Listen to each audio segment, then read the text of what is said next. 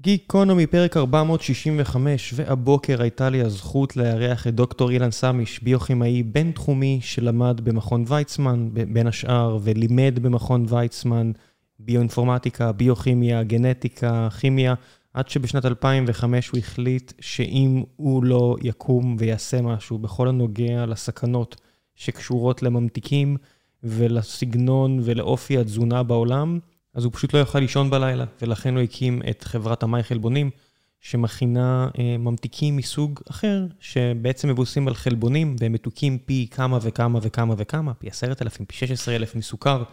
ודיברנו אה, בתחילת הפרק הזה על חלבונים, על קיפול חלבונים, על AlphaFold, הפרויקט של DeepMind, החבר'ה של גוגל שיושבים בלונדון ופיצחו את העניין הזה, או לפחות קידמו את האנושות כברת דרך לכיוון הבנה יותר טובה של החישוב, בכל מה שקשור לחישוביות של קיפול חלבונים, אז עסקנו בנושא הזה, והמשכנו משם לסוכר, ומה זה בעצם סוכר, ומה הסכנות של סוכר, ולממתיקים מלאכותיים, ומה אפשר לעשות, ולמה חשוב שאנחנו מנסים לעשות, ואת החלק של החברה של אילן בסיפור הזה, פרק מרתק שלצערי לא הספקנו להגיע לכל, ואני אהיה חייב להזמין את אילן שוב, כי פשוט היה לי מעניין מדי. והשעה וחצי ששוחחנו, אה, בקושי גירדנו את פני השטח, אז אני מקווה שאילן ימצא זמן ויגיע שוב ונדבר יותר על החברה שלו ועל מה שעשה ועל מה שהם רוצים לעשות. ולפני שנגיע לפרק הזה, אני רוצה לספר לכם על נותני החסות שלנו, והפעם זה פודקאסט נוסף שבועי מבית היוצר של דה מרקר, כשבכל שבוע הם עוסקים בנושא חברתי-כלכלי חדש. לפודקאסט קוראים המרקרים. הפערים בין מזרחים ואשכנזים נשמרים גם בדור השלישי. האם כל אחד יכול להצליח בישראל? זה נושא אחד שהם עסקו בו. איזה שיטות פעולה מוצאים הלוביסטים כדי להשפיע על נבחרי הציבור?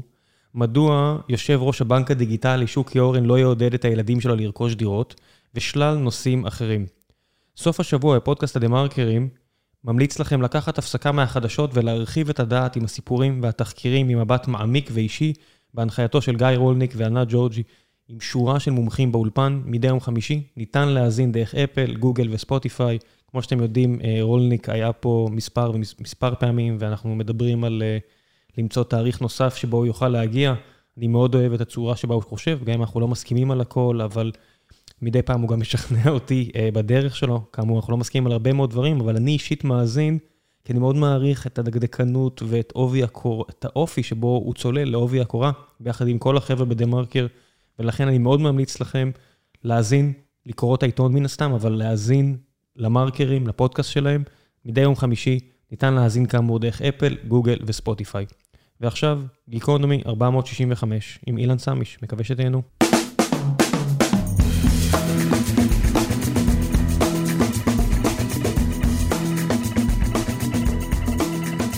גיקונומי, פרק 465, והבוקר יש לי הזכות לארח את אילן סמיש לשיחה על חלבונים וסוכר ושלל נושאים שבטח נגיע אליהם ואני עדיין לא יודע עליהם. בוקר טוב. בוקר טוב. תגיד, העניין הזה של קיפול חלבון, כל מה, שעל, כל מה שהחבר'ה של uh, גוגל עושים שם בלונדון, שבטח הם לא, לא אוהבים שאני קורא להם החבר'ה של גוגל, אבל זה מה שזה. עד כמה זה מהפכני? זה מהפכני לגמרי. אמ, החבר'ה של DeepMind, שנקנתה על ידי גוגל עם AlphaFold, הצליחו לעלות בסדר גודל בתחרות שג'ון מולט התחיל אותה, תחרות שנקראת CASP. סיפור מעניין, ג'ון מולט אה, היה, עבד אצל אה, יואל זוסמן, מורי ורבי שהיה בוועדה המלווה של הדוקטורט שלי, ולימים ג'ון מולט היה יושב ראש של הכנס המוביל בעולם לביולוגיה מבנית חישובית, כנס שאני הפאונדר שלו והייתי היושב ראש המשותף שלו, והוא נזקק לבנייה של מודל עבור איזשהו חלבון שלו, ואז הוא בחדר המיטות בערב פנה לאשתו, אה, שהוא הכיר אותה אצל יואל זוסמן במכון ויצמן, שניהם במרילנד, ואמר לה איך אני עושה את זה, כי יש כמה חבר'ה שמודיעים שיש להם תוכנה, אבל אף אחד לא, לא אומר באמת מי הכי טוב ואני צריך לדעת. אז היא אמרה, אני אתן לך את המבנה שאני עובדת עליו, תיתן להם אותו. ותוך אה, חודש אני אגמור את השלב האחרון ויצא את המבנה, ואז תוכל לראות מי עשה את זה הכי טוב. וככה נולדה תחרות בשם CASP, Critical Assessment of Structures of Proteins, שהתקדמה בעצלתיים. אבל פעם ראשונה הייתה תחרות שהיה פשוט הפרדה בין הרשות המבצעת, אלה שעשו את המידול, לבין הרשות השופטת, ובסוף מי שביצע הכי טוב זכה לקרדיט, והשופטים גם זכו לכתוב מאמרים על, על ההבדלים בין השיטות. אז בוא נעצור שנייה, רק נסביר למי שלא אה, מכיר. כל חלבון, ויש כמות אדירה של חלבונים בעולם, עשוי מחומצות אמינו. הצורה שבה החלבון מתפקד תלויה בקיפול של אותם חומצות אמינו, המבנה התלת-ממדי שלהם, וכדי אה, להבין איך הן מתקפלות, אותן חומצות אמינו, שהן רבות מהן, אה, יש עשרות, מאות מיליארדי אפשרויות, ולמצוא את הצורה הנכונה של הקיפול התלת-ממדי הזה, זו בעיה אה, מסדר גודל מאוד מאוד אה, גבוה מבחינה חישובית. סדר גודל בלתי פתיר, זה שכן. אפילו יותר מזה, ופרדוקס לבנטל משנת 69 מדבר על זה שעבור חלבון קצר של 100 חומצות אמינו, בצורה אפילו פשוטה של שלוש אופציות לכל חומצה אמינית, אז לקפל את אותה שרשרת של, של חרוזים, 20 החרוזים שהם חומצות אמינו, אם מסתכלים על זמן המעבר ממצב למצב, קונפורמציה לקונפורמציה, זה ייקח יותר זמן מזמן קיום היקום. כן, אז זה פרדוקס לבנטל. בבעיית הקומבינטוריקה הזו, אם תחשבו פשוט, אם אתם זוכרים קומבינטוריקה מהתיכון או מהתואר הראשון, אם עשיתם קורסים בזה, אז תבינו שמהר מאוד אי אפשר to brute force it. מה הכוונה? אי אפשר פשוט לבדוק את כל האופציות. אז ישנם ביולוגים שחוקרים את מבנה אה, החלבון ורואים איך בסוף הדברים האלה מתבצעים בפועל ומבצעים מידול בשטח, מה שנקרא. ומהצד השני יש חבר'ה של מדעי המחשב, בעיקר ב-20 שנה האחרונות, כשהיכולות החישוביות שלנו כמין אנושי התקדמו מאוד, והם מנסים למצוא דרכים לעשות את זה, אה, להגיע לתשובה הנכונה, בלי למצות את כל האפשרות, בלי להריץ כל אפשרות ולבדוק אם המבנה אה, הוא באמת המבנה הנכון, או האמיתי, או האופטימלי, או לא משנה מה. בטבע, הדבר הזה פשוט קורה. אבולוציה זה דבר מדהים שקשה uh, להבין, ופשוט בתוך uh, חומר נוזלי, מים, הדברים פשוט מתקפלים נכון. למה? אלוהים יודע. כן, כן, לא, לא, אלוהים. אבל עכשיו בחזרה למה ש AlphaFold עושים, החבר'ה של DeepMind. אני רואה שיש לך רקע מצוין בביולוגיה מבנית. אני פשוט נושא שמאוד מעניין אותי, אז... וביולוגיה מבנית אכן זה נושא חישובי כבד מאוד, וחברת אה, מכונת עסקים בינלאומית, International Business Machine, IBM, אחרי שהם ניצחו את גרי קספרוב בשח, אז הם יצרו מחשב ענק שנקרא בלו ג'ין, שכל מטרתו הייתה לקפל חלבונים. הם כנראה לא הכירו את פרדוקס לבנטל ולא הצליחו במשימה, אבל הנושא הזה עבר הרבה הרבה גלגולים עם הרבה מאוד תחרויות של מיטב המוחות בעולם, תחרויות שבהן האנשים מתחלקים לשניים ושילוב בין שתי הגישות. גישה אחת היא מידול של הביופיזיקה, וגישה שנייה היא לחקות את הטבע, מה שנקרא אינפורמטיקה ו data mining. ובין ביופיזיקה חישובית לביואינפורמטיקה יש את הבדלי הגישות האלה, אבל היום אחד שלוב בשני. ובמקרה הזה, אה, באמת במשך הרבה שנים הייתה התקדמות, אבל בקצב איטי, ואז באו AlphaFold אה, ובשיטות של Machine Learning, פשוט לקחו את מאגר המידע של המבנים של חלבונים, ה Protein Data Bank. כמה חלבונים אנחנו יודעים היום איך הם בנויים? כשאני התחלתי את הקריירה שלי היו פחות מ-3,000, היום יש מעל 180 אלף, וכל אחד יכול ללכת ל-pdb.org, Protein Data Bank, ולראות את כל הקואורדינטות של כל המבנים, ויש היום מספיק data בשביל לעשות עליה data mining ו machine learning מספיק טוב. בדרך הזאת באמת עשו קפיצת מדרגה מאוד משמעותית ביכולת למדל מבנים של חלבון, כלומר בהינתן רצף חומצות אמינו של חלבון, string של אותיות, אותם 20 חומצות אמינו, להגיד מה יהיה המבנה קואורדינטות המרחבי התלת-ממדי של החלבון, ובמקרים מסוימים מתוך התלת-ממד גם חשוב להגיע לארבע מימד, כי המבנים האלה הם מבנים דינמיים, הם בגדול מכונות בגוף שלנו. אה, ולכן חשוב גם איך הם זזים בזמן. כן, כי בסופו של דבר המבנים האלה הם לא יציבים לחלוטין, חלבונים אה, מתפרקים, וזה לא שהם מתפרקים בצורה בינארית, זה לא 0 ו-1, זאת אומרת, יש שינויים והחלבון עדיין עושה משהו. אז חשוב להבין מה קורה כשהחלבון הוא לא במצ... במצב ההתחלתי שלו. אכן, וחשוב להבחין בין מתפרק במובן זה שהרצף נחתך, לבין מתפרק במובן זה שהוא מאבד את המבנה התלת-ממדי שלו, את הקונפורמציה שלו. זאת אומרת, יש קונפיגורציה ויש קונפורמציה. קונפורמציה זה פשוט הקיפול שלו במרחב, וכל קיפול אחר יכול לגרום או לזה שהוא לא יעבוד, או במקרים אחרים, אה, ויש לא מעט כאלה, לגרום למחלה, מחלה קשה אפילו. כל uh, חלבון, החומצות האמינו שלו תמיד הם במקשה אחת, זאת אומרת, הן תמיד מחוברות ברצף אחד, או שזה כמו שיש וירוסים שזה אה, שני מקטעי, אה, למשל DNA, אז בחלבון יש... זה חומצות אמינו, אז יש דבר כזה שהחלבון יהיה מופרד? יש הרבה מאוד חלבונים שהם מה שנקרא לא מבנה שלישוני, מבנה שלישוני זה מבנה של רצף אחד, אלא מבנה רביעוני, מבנה של כמה רצפים, כשכל רצף נקרא תת-יחידה, וכל רצף מקודד על ידי גן אחר. בגוף שלנו יש כ-20 אלף גנים. ביצור פשוט כמו אי e. קולי יש 5,000, אה, אבל הגנים האלה, כל גן מקודד לתת יחידה אחת של חלבון. יש מקרים אחרים שבהם תת יחידה אחת בתהליך העיבוד שלה נחתכת למספר תתי יחידות שיכולות להיות אה, מחוברות בקשרים אה, קובלנטיים, וזה יכול לקרות גם בחלבונים שהם מאוד מאוד קטנים, כשהם מאוד מאוד קטנים קוראים להם פפטידים. דוגמה לזה זה האינסולין שנחתך לשתי חתיכות.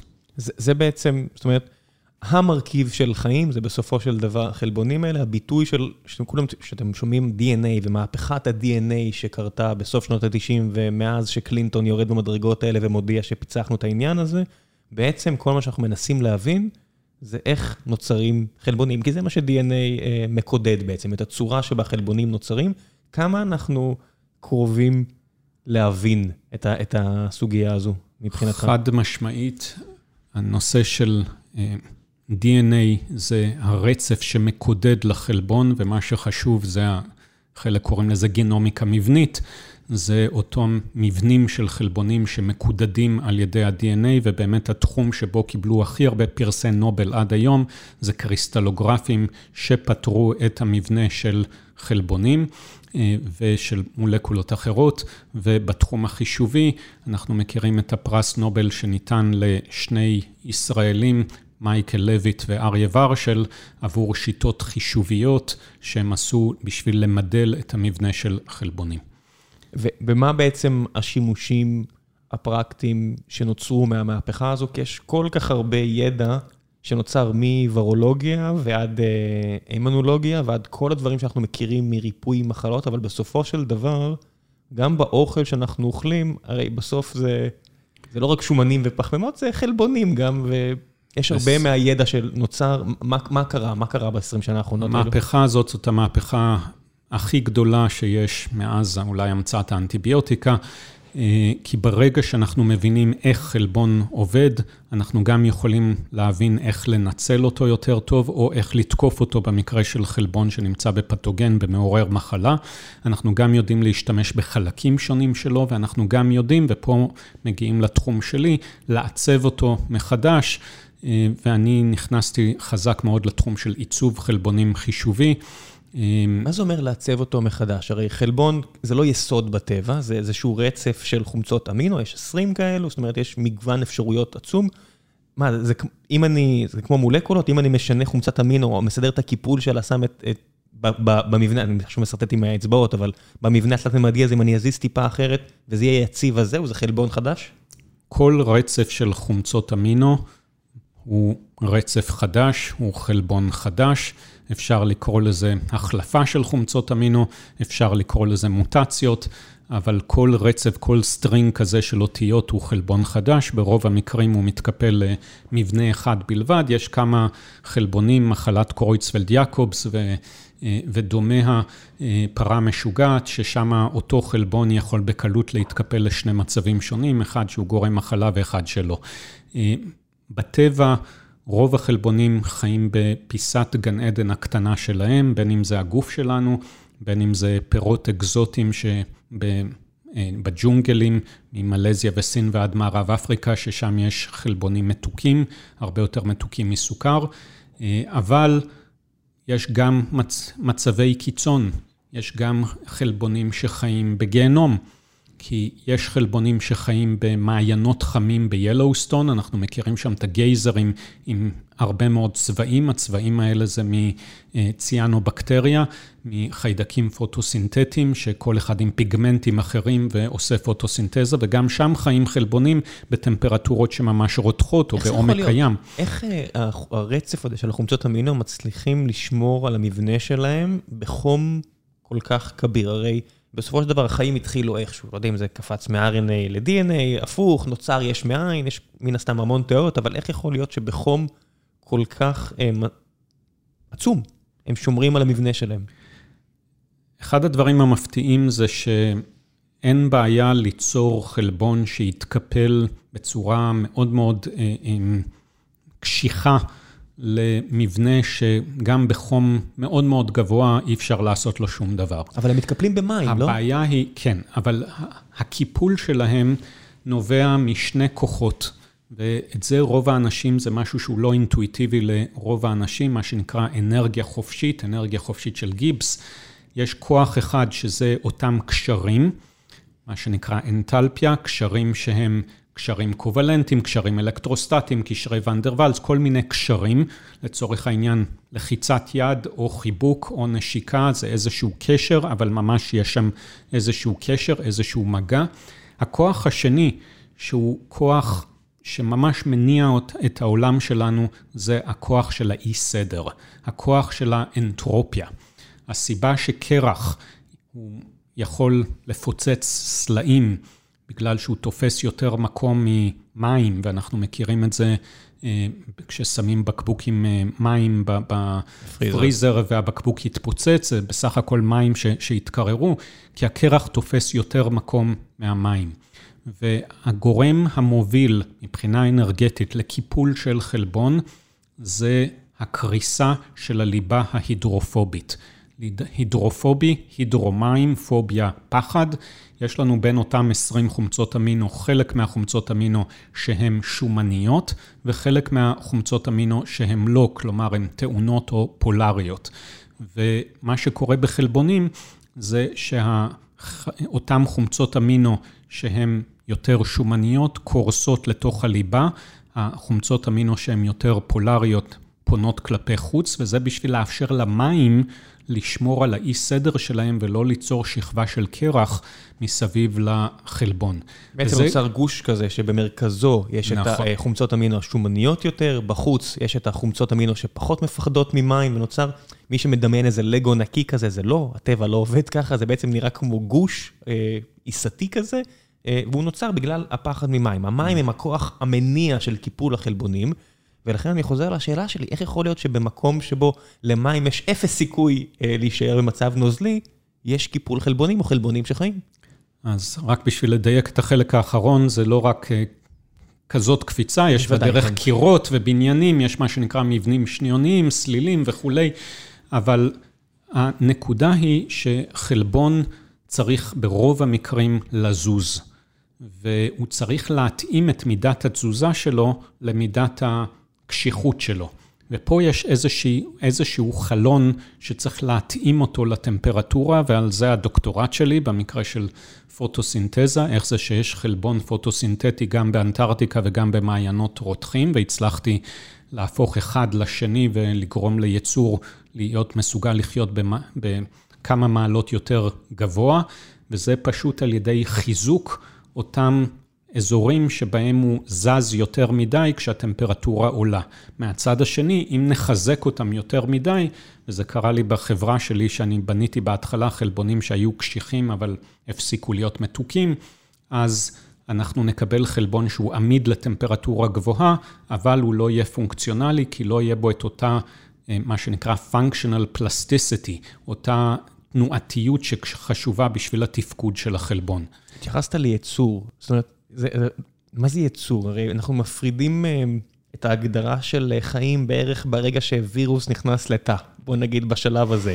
אה, לפני כן וירוס לא חי, אתה יודע, חי, חי, אתה יודע, כל המשחקים, משחקי הילדים כאלה ואחרים, הוויכוח הנצחי, האם וירוס זה חי או לא, בוא נגיד שברגע שהוא נכנס לתא זה כבר אה, די חי.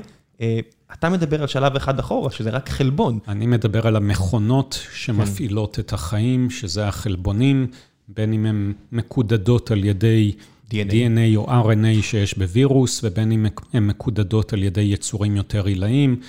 במקרה שלי, המרכז הריאקציה הפוטוסינתטי שעבדתי עליו בדוקטורט, אז הסתכלתי על חיידקים פוטוסינתטיים, והחיידק הוא אותו יצור שנמצאים בסביבות שונות. למה מתוק? מה זה מתוק? בוא ניקח צעד אחורה. מה זה מתוק? מתוק זה משהו מאוד מאוד פשוט, מבחינה כימית. סוכר, שזה משהו שמפעיל לנו מנגנונים של עונג במוח, וגורם גם לאיזושהי מידה של התמכרות, אה, כמו הרואין, אזורים די דומים. סוכר זה בסך הכל שישה פחמנים, שעליהם יש שש קבוצות של הידרוקסיל, OH, שמאורגנות באיזושהי צורה תלת-ממדית, והם מפעילים קולטן למתוק שיש לנו בחלל הפה, ויש לנו אותם גם, את הקולטנים האלה במערכת העיכול, שנותן לנו סיגנל של עונג למוח, גם מפעיל אחרי זה קסקדה, מערכת שלמה של אה, טיפול באותו סוכר, בין אם זה אה, אינסולין ובין אם זה הפיכה של הגלוקוז לגליקוגן, למאגרים. ואנחנו חייבים מצד אחד גלוקוז, אנחנו חייבים אותו בשביל חיים, אבל אנחנו ממש לא צריכים אותו בתור גורם שבא מבחוץ. אנחנו יודעים לייצר לבד את כל הסוכר שאנחנו צריכים. אין שום סיבה לבן אדם לאכול סוכר, פרט לזה שזה גורם לו לעונג. איך זה קרה אבולוציונית? זאת אומרת, הרי הגוף האדם מסוגל לייצר את הפחמימות האלה שהוא צריך למוח לבד. אה, מה קרה אבולוציונית שנוצר, זאת אומרת, לפי הבנתך, כן, ומה שאתה מכיר, אה, שנוצר הדחף האבולוציוני הזה שבא לידי ביטוי מימוש העונג, וצעד אחד אחורה, למה זה בכלל בטבע? זאת אומרת, מה... איך זה קרה? עונג זה דבר מאוד מאוד חשוב שמניע חיים. זה מניע חיים במובן האבולוציוני הכי פשוט של סקס. כן, זה הגזר במקל והגזר האבולוציוני. לא היה לנו סקס אם סקס לא היה בו מידה מסוימת של עונג, ולא היה דור המשך אם לא היה סקס. סקס זה הרי משהו מה, זה, ביולוגי. החוקר האבולוציוני יגיד שיש רק בונובו ובני אדם שחווים, או לא יודע, מעט מאוד ז... מהחיים בעולם שחווים עונג מסקס, ועדיין חיים אה, משגשגים, אבל זה בהחלט עוזר, בוא נגיד. כן, ואותו הדבר לגבי מקורות של אנרגיה. במקורות של אנרגיה, אמ, שהפשוטים שבהם יש בהם פחמימות, פחמימות מרוכבות, גלוקוז, עמילן זה שרשרת של גלוקוז, שמחזיקים ידיים בקשר גליקוזידי ומתפרקים תוך מילי שנייה בגוף, כך שאם אוכלים עמילן או אוכלים גלוקוז זה אותו הדבר, אבל גלוקוז וסוכרוז זה שני דברים שונים. אמ, אנחנו צריכים אותם, צריכים אותם בשביל אנרגיה. יש לנו עוד כל מיני מקורות של אנרגיה.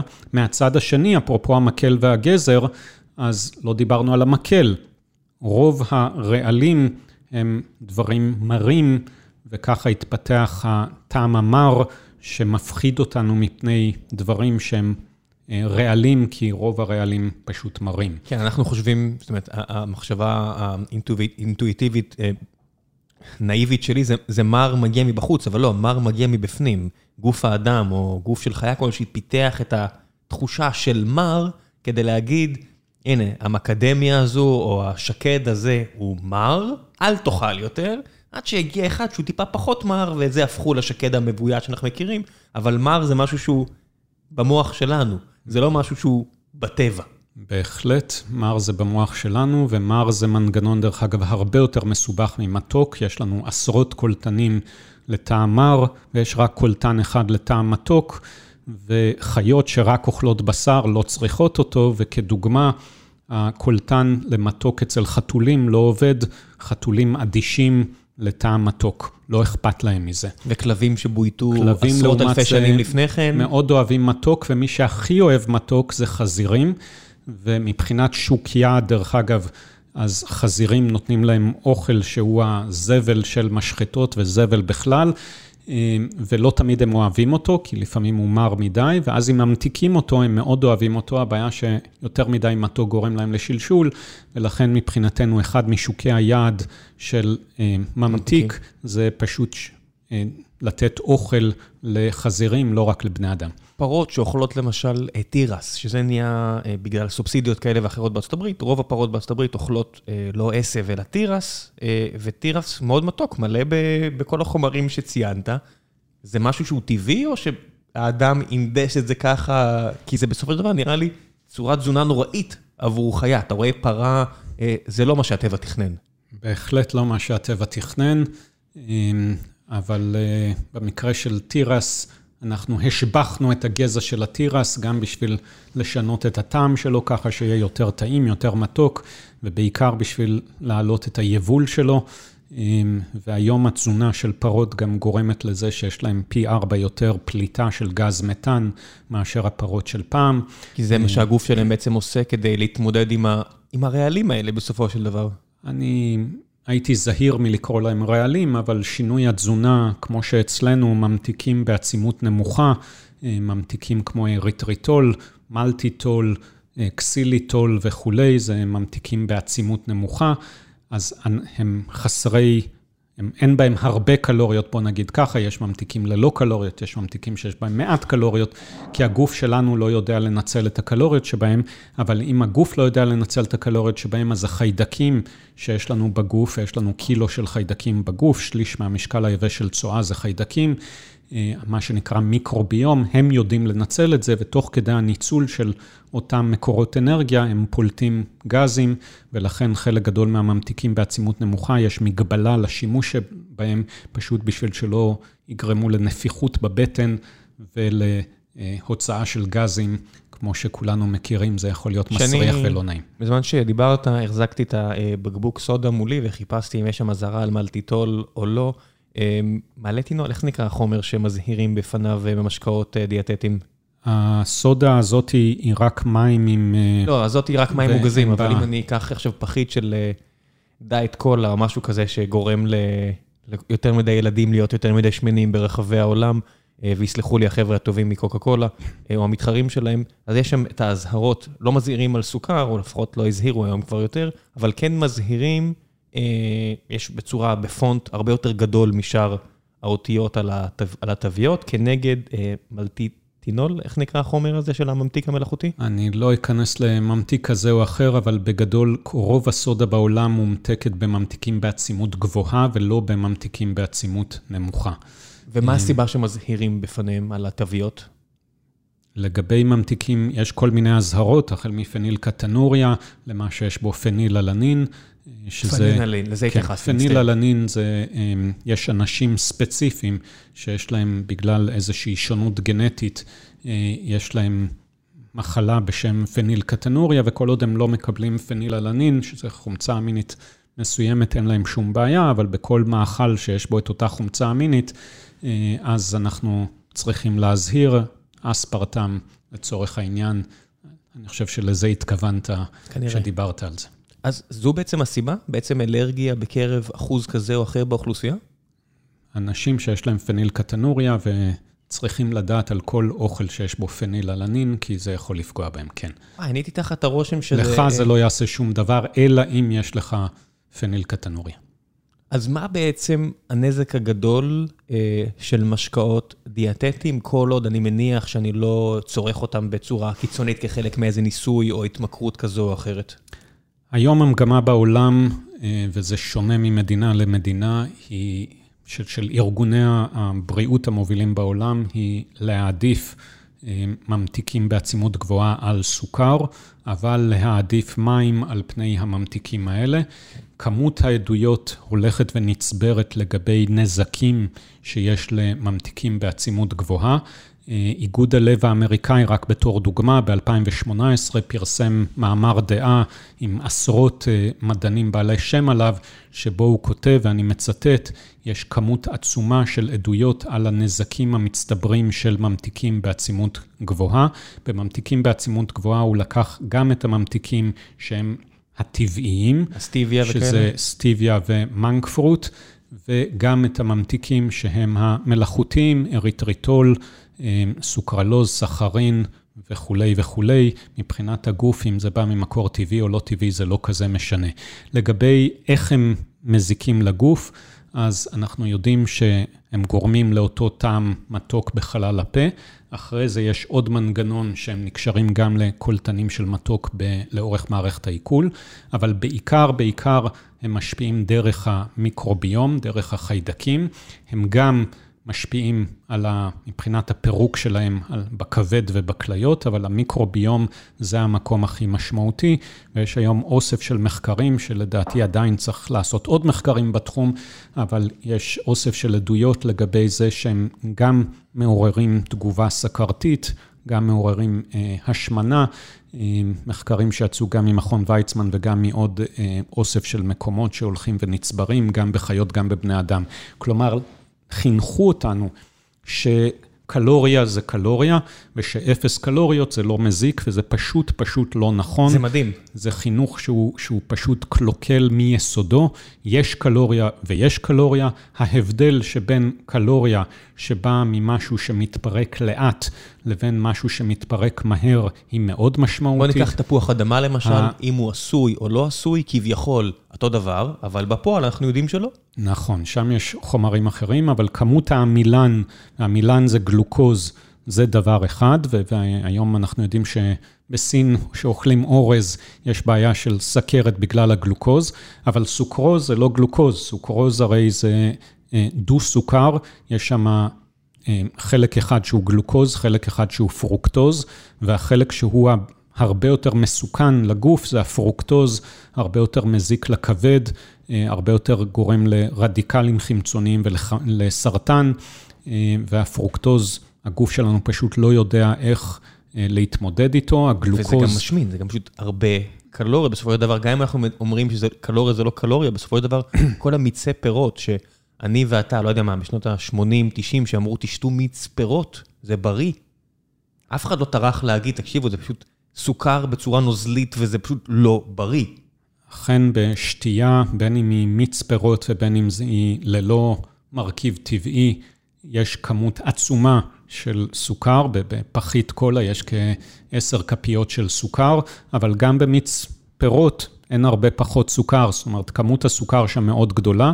נכון שיש שם גם ויטמינים, אבל מה שעושים במיץ, לעומת פרי שאוכלים מהטבע, זה שהורידו משם את הסיבים התזונתיים שמאוד מאוד חשובים לנו. ויותר מזה אפילו, יש שם כמות קצת יותר גדולה של פרוקטוז, אבל זה כבר בשוליים. מה בעצם הנזק הגדול שסוכר אה, מחולל לגוף מעבר להשמנה. אמרת שזה משפיע על הכבד, אמרת שזה משפיע על המייקרוביום.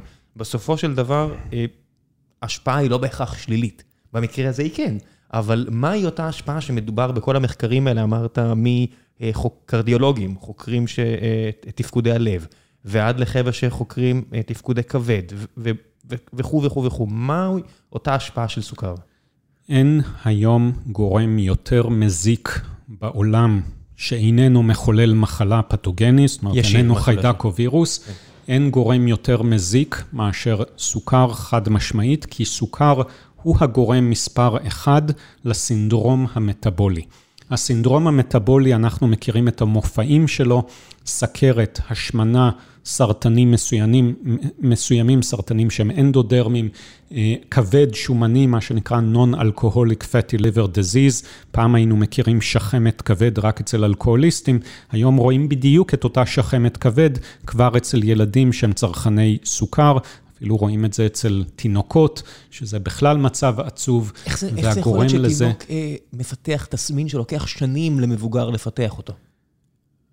תינוק מפתח את זה כי תינוק ניזון ממה שהוא מקבל בזרם הדם, עוד, מה, אה, עוד מאימו, ואחרי זה מגיל צעיר, ממה שנותנים לו לאכול. אה, והפרוקטוז, הפרוקטוז הוא הרעל האמיתי של, של הכבד, אה, כי בניגוד לגלוקוז, ש-80% ממנו מתפרק בכל רקמות הגוף, וגלוקוז רובו הופך לגליקוגן, שזה מאגר של לשעת חירום, לכן ספורטאים מעמיסים על עצמם ולוקח את ה-8-9 שעות עד שהוא מתפרק, לכן קל לצום את השעות הראשונות, אחרי זה כבר קשה, כי נגמר המאגר של הגליקוגן, או עוברים לעיבוד אנאירובי שלו ללא חמצן, מרגישים את החומצה הלקטית בשרירים. אבל גלוקוז בסך הכל הגוף שלנו יודע להתמודד איתו לא רע, הבעיה היא עם הכמויות העצומות שמציפות אותו. במקרה של פרוקטוז זה לא המצב. אה, אין מנגנון ביוכימי כמו יצירת גליקוגן שקורה לגלוקוז, ויש אה, אה, חומצות שומן שנקראות חומצות שומן לא סיסטמיות, שהכבד מייצר אותן, ואז הוא מייצר גם טיפות של שומן, מעבר לזה הפרוקטוז גורם להשחמה. מה שנקרא תקופה, אה, תגובת Maillard. תגובת, תגובת מייארד היא תגובה כימית שאחראית להשכמה של בירה, של לחם, של צלי שעושים על האש. בכל המקרים האלה יש לנו צבע חום בגלל אותה תגובה. דרך אגב, הסחוס שלנו בתור אה, תינוקות בני יומם הוא לבן, ובתור אנשים בני 80 הוא, אה, הוא אה, חום. אנחנו משכימים בכל רגע, ומי ששותה מיץ פירות או מיץ אחר, משכים בקצב הרבה יותר גדול. מה, מה זה בעצם, מה הביטוי של אותה השכמה מבחינת התפקוד של הסחוס? השכ... התפקוד של הסחוס במקרה הזה לא משתנה, זה רק דוגמה לצבע ש... שמשתנה, אבל אותה השכמה אה, גורמת, קודם כל, תוך כדי זה יש לנו אה, גם יצירה של רדיקלים חמצוניים שגורמים לסרטן, אה, ובמקרה של, של אחרי זה העיבוד של ה...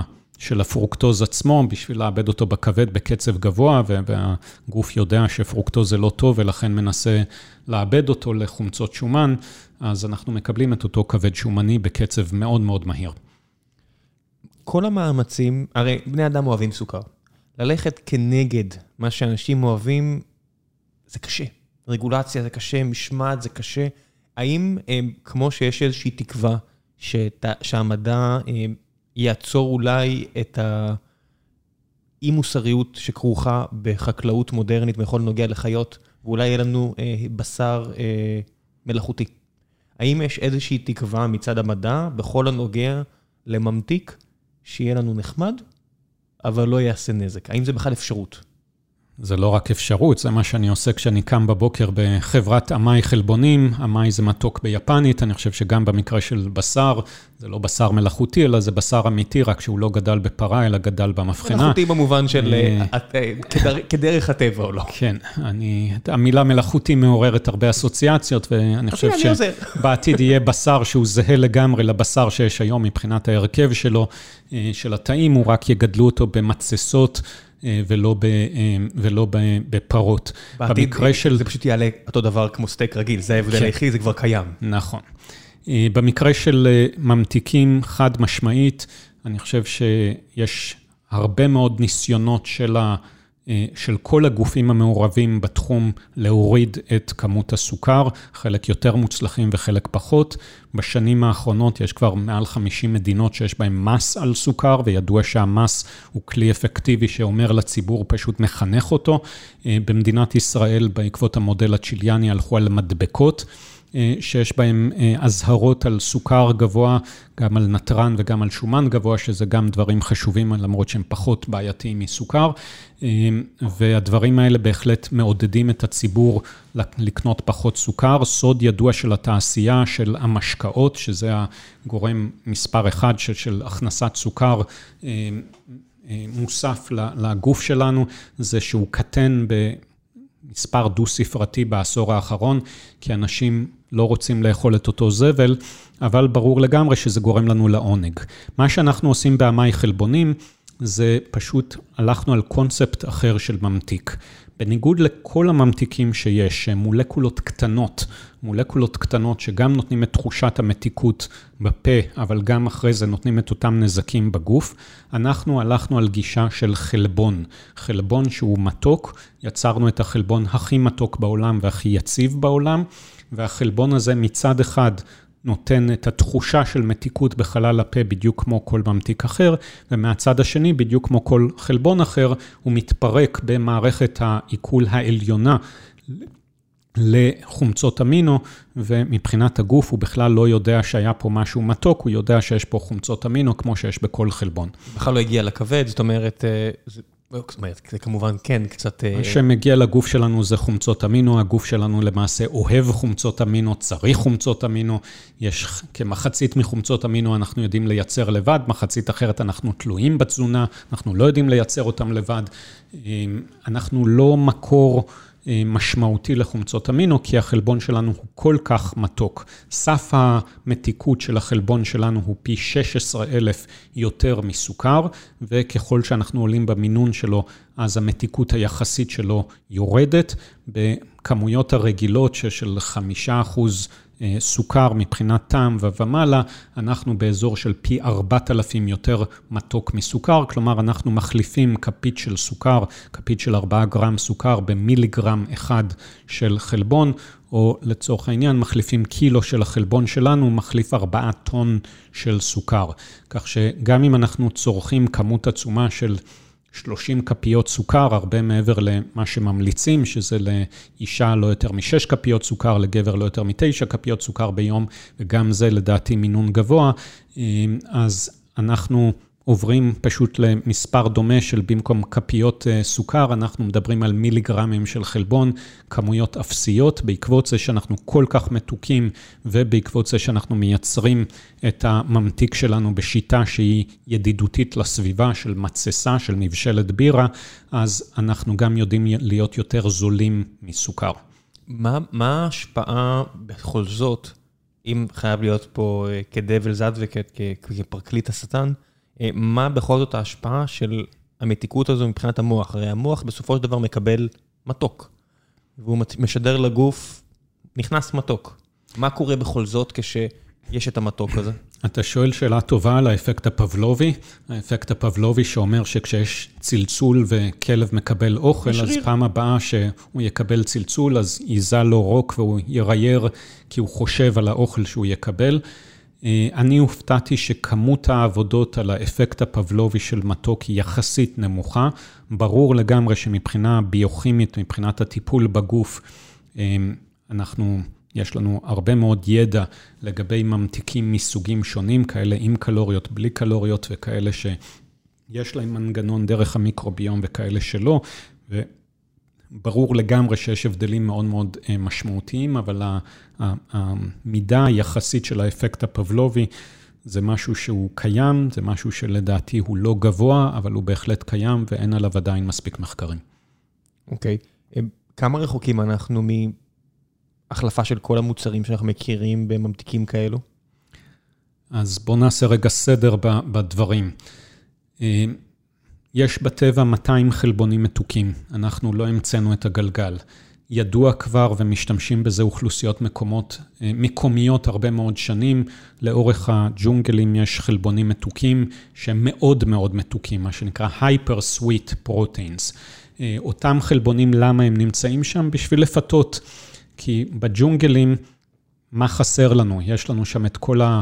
מים בעולם, את כל האוכל בעולם, חומרי דשן, מה שחסר לנו זה שמש. העלים מסתירים. מעבה הג'ונגל, המילה מעבה זה כי זה אזור חשוך, כי צמרות העצים גונבות את השמש, והעשבים, השיחים הקטנים שיש שם, חסר להם שמש, ועל זה הם מתחרים, ולכן הם מחפשים לפתות בעלי חיים.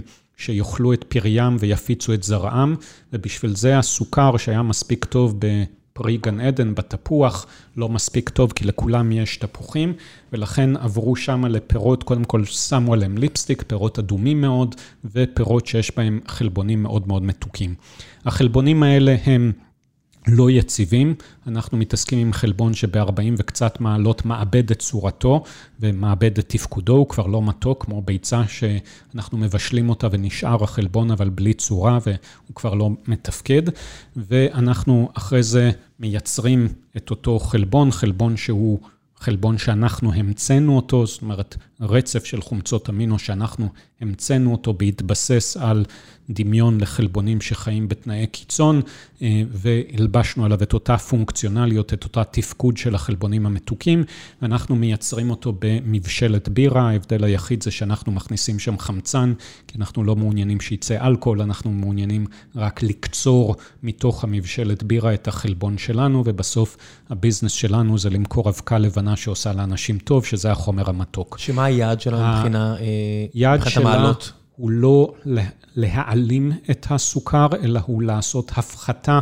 משמעותית של הסוכר, מבלי לפגוע בחוויית הטעם של הסוכר, וזה משהו מאוד חשוב, כי שוק הדיאט קיים, והוא קיים הרבה מאוד שנים, והוא יחסית שוק קטן. עדיין 90% משוק ההמתקה זה סוכר ו-high fructose corn syrup, סירופ פרוקטוז שבא מתירס, זה 90% מהשוק.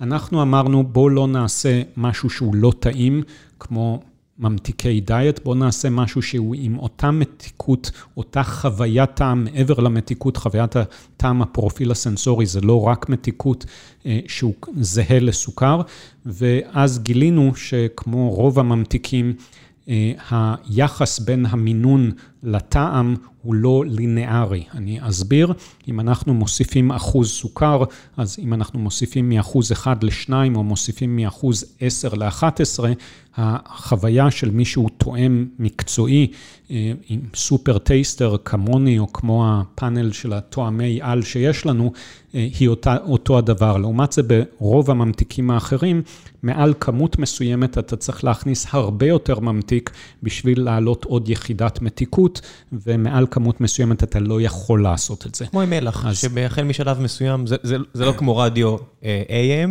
זה, זה, זה, זה כמו רדיו FM, לא כמו רדיו AM, זה לא באבחה אחת נופל. נכון. אה, גם מלח, החל משלב מסוים, אנחנו פשוט לא נוכל לאכול יותר את התבשיל. כן, אז במקרה שלנו זה פשוט נוכל לאכול אותו, אבל בכמויות מאוד מאוד גדולות אנחנו מתחילים להרגיש טעם שאריתי, זה לא טעם רע, זה פשוט טעם שנשאר בפה יותר זמן, מה שאני קורא לו אפקט שמן הזית, כי רובנו אוהבים שמן זית בסלט, אבל אנחנו לא נאכל בסוף יום ארוך כוסית שמן זית, לא כי הטעם לא טעים, אלא כי הוא נשאר לנו בפה הרבה זמן. ולכן אנחנו בכל קטגוריה של מזון, מחלקת הטכנולוגיית מזון שלנו אה, יוצרת פרוטוטייפים של המוצרים ובודקת כמה אפשר להוריד את הסוכר ולהמתיק את המוצר עם החלבון שלנו, חלבון המעצבים שלנו, מבלי לפגום בחוויית הטעם. בשביל זה אנחנו מעסיקים פאנל של סופר טייסטרים, יש לנו כ-20 תואמי על, אה, תואמים שבאים פעמיים בשבוע, כל פעם לשעה, אי אפשר להשיג סופר טייסטר מעל שעה, כי אז הוא כבר מאבד את יכולת הטעם שלו, והם בצורה עיוורת תואמים דוגמאות, זה גם דוגמה של סוכר מול הממתיק שלנו, גם לפעמים מול ממתיקים אחרים לגמרי, וגם בודקים אה, את הממתיק שלנו כשהוא אה, עבר כל מיני עינויים, כמו טמפרטורה גבוהה, או חיי מדף ארוכים, או דברים שכאלה. מה זה טמפרטורה שכאלה. גבוהה? ציינת לפני כן ממתיקים בג'ונגלים שב-40 מעלות מתפרקים ומאבדים את צורתם. 40 מעלות בכדור הארץ החדש הזה שיצרנו לעצמנו, זה כבר, זה כבר לא טמפרטורה מיוחדת, זה מה שנקרא פשוט קיץ. כן. אה, בהרבה מקומות בעולם, כולל מדינות שהיו פעם קרות. אז מה טמפרטורת היעד עבור החלבונים המתוקים האלה החל... לעולם החדש הזה. החלבון שלנו, המוצר שכרגע הראשון שאיתו אנחנו יוצאים לשוק, ולאחר המוצר הראשון אנחנו נצא עם חלבונים חדשים לגוף. יש לנו ליין שלם של חלבונים מתוקים, כל אחד מהם הוא חלבון קצת אחר. יש אפילו שילוב ביניהם שעובד עוד יותר טוב. המוצר הראשון, אפשר להמתיק איתו כוס קפה רותח. כלומר, אנחנו יודעים שבטמפרטורה של רתיחה, 90 ומשהו מעלות, הוא מתחיל קצת לאבד את המבנה שלו, זה הכל תלוי במשך הזמן שבו הוא נמצא בטמפרטורה גבוהה, כלומר אין לו שום בעיה לעבור תהליכי פסטור שמקובלים בתעשייה, אבל כרגע הוא לא מתאים לתנור, ששם יש הרבה זמן בטמפרטורה גבוהה, אבל הרוב הגדול של המוצרים שבהם יש סוכר מוסף, הם לא מוצרים של, אה, של תנור. לא עוגה, אלא שתייה. נכון. גם דרך אגב, בעוגה במהלך האפייה, החלק הפנימי של העוגה לא מגיע לטמפרטורות יותר גבוהות, וגם בעוגה יש כל מיני דברים כמו לפזר אחרי זה מעל, זאת אומרת, גם במוצרי מאפה אפשר בהחלט להשתמש בו. דרך אגב, אנחנו לא המצאנו את התחום של חלבונים מתוקים, קיים בשוק כבר כמה שנים טובות, כבר עשרות שנים, חלבון מתוק בשם תאומטין. החלבון הזה קיים ב-500 מוצרים, ואנחנו רואים שמשתמשים בו גם במוצרי מאפה. אה, החלבון הזה, בניגוד לחלבון שלנו, הוא לא תחליף סוכר שיכול להחליף מעל 30% מהסוכר שיש, ומעל 30% מאפשר לנו לשים תווית של מופחת סוכר, אלא הוא חלבון ש... עושה מה שנקרא חיזוק טעם, מודולציה של טעם וחסימה של טעמים מסוימים במסגרת מה שנקרא חומרי טעם וריח. כך שחלבונים מתוקים בהחלט מוכרים בשוק, משתמשים בהם בשוק, אנחנו פשוט לקחנו חלבון קצת אחר, הצבנו מחדש חלבון מתוק אה, בשביל שיתאים למה שאנחנו צריכים, לשלושת רבעי משוק ההמתקה. עוד דבר שאנחנו לא יכולים לעשות, זה מה שאנחנו עושים זה רק ממתיקים, בזמן שסוכר יש לו עוד תכונות נוספות, כמו קרמליזציה וכמו חומר מילוי. שוקולד פרה, או שוקולד סוכר. חלב לצורך העניין, זה דווקא לא הרוב, זה רק 49 אחוז. כך שאם אתה לוקח שוקולד חלב, ונתתי את הדוגמה של שוקולד פרה שכולנו אוהבים מילדות, מה שנקרא שוקולד ילדות, לאו דווקא הכי איכותי, אבל מה שמכירים מילדות זה שוקולד שאוהבים. אה, זה פשוט לקחת ולחשוב, אם אתה לוקח חפיסה, זה כמו לקחת חצי מזה בצורה של אה, סוכר. גם, בשוק, גם בשוקולד מריר איכותי, בסדר? אם תסתכלו על כמות הסוכר שיש שם, זאת אומרת, אם אתם רואים שיש שם, לא יודע מה, 20 גרם, 22 גרם, 18 גרם על כל 100 גרם, תעשו את החשבון, זה לא, זה קל לעשות חישובי אחוזים כשזה על 100 גרם, וזה מספרים שלמים, זה כמות עצומה של סוכר. אכן, וככל שהשוקולד יותר מריר, יש בו פחות סוכר. שוקולד כן. יש לו גם הרבה מאוד תכונות טובות. שוקולד זה דבר בריא בבסיס שלו, פרט לתוספת הסוכר. אה, אני חושב שהבעיה המרכזית שלנו זה דווקא מוצרי שתייה, אבל יש היום סוכר ב-80% מהמוצרים, אוכל מעובד, שמים בו סוכר בשביל ש, אה, שיהיה יותר טעים. בקטשופ יש כמות עצומה של סוכר, בחמאת בוטנים מוסיפים סוכר. יש חמאות אה, בוטנים, צריך להגיד את האמת, אם תלכו לחנויות טיפה יותר... פלצניות או איי-קלאס, איזה מילה שאתם לא תרצו לחיוב או לשלילה, אתם תוכלו למצוא חמת בוטנים ללא סוכר. נכון, ורוב הילדים הקטנים, אם ייתנו להם חמת בוטנים עם סוכר ובלי סוכר, תראה אתה מה הם מעדיפים. אז, אז עשיתי את הניסוי, כיוון שיש לי זעתות בבית, פשוט הוא, הוא, אני מניח שאני לא אצליח לאורך זמן, כי זה מאבק עיקש והצד השני הרבה יותר חזק ממני, אבל הוא עדיין לא נחשף לחמת בוטנים עם סוכר, והוא אוהב את הגרסה הרגילה, כי הוא לא נחשף עדיין, כמו צמח שלא היה בג'ונגל, הוא לא יודע מה זה המתוק מתוק הזה. נהדר, אני חושב שחשיפה זה אחד מהדברים בהחלט שגורמים לנו להתאהב בסוכר, וצריך לזכור שלפני 100 שנה אנחנו כמעט לא אכלנו סוכר, זאת אומרת, המהפכה של, של צריכת העודף סוכר זה מהפכה של השנים האחרונות, ורואים לאורך ההיסטוריה שלבים שונים שבהם קרו דברים שונים שהקפיצו את צריכת הסוכר, ובשנות ה-80 גם הסירופ פרוקטוז. אה, וזה בהחלט פעם לא היה קיים, ואנחנו פעם לא היינו כל כך עצובים ובדיכאון, למרות שלא אכלנו סוכר. ודרך אגב, סוכר לא רק גורם לשמחה, כי אחרי שמחה עילאית גם יש down, אנחנו מכירים את זה, ויש לא מעט גם סרטים שמדגימים את זה, שכשאנחנו מפסיקים לקבל את אותו מינון של אה, סוכר לווריד, או במקרה הזה לקשית, אז אנחנו מתחילים להרגיש עייפות ומתחילים להרגיש אפילו בדיכאון. זה קצת קשה, אתה יודע, כי בסופו של דבר יש, עובדות. העובדות הן אה, סכרת באחוזים כמותם לא היה אף פעם, השמנה באחוזים כמותם לא היה אף פעם, דיכאון באחוזים כמותם לא היה אף פעם. אלה עובדות, למרות שקשה לבדוק, כי אז לא בדקו כמו שבודקים היום.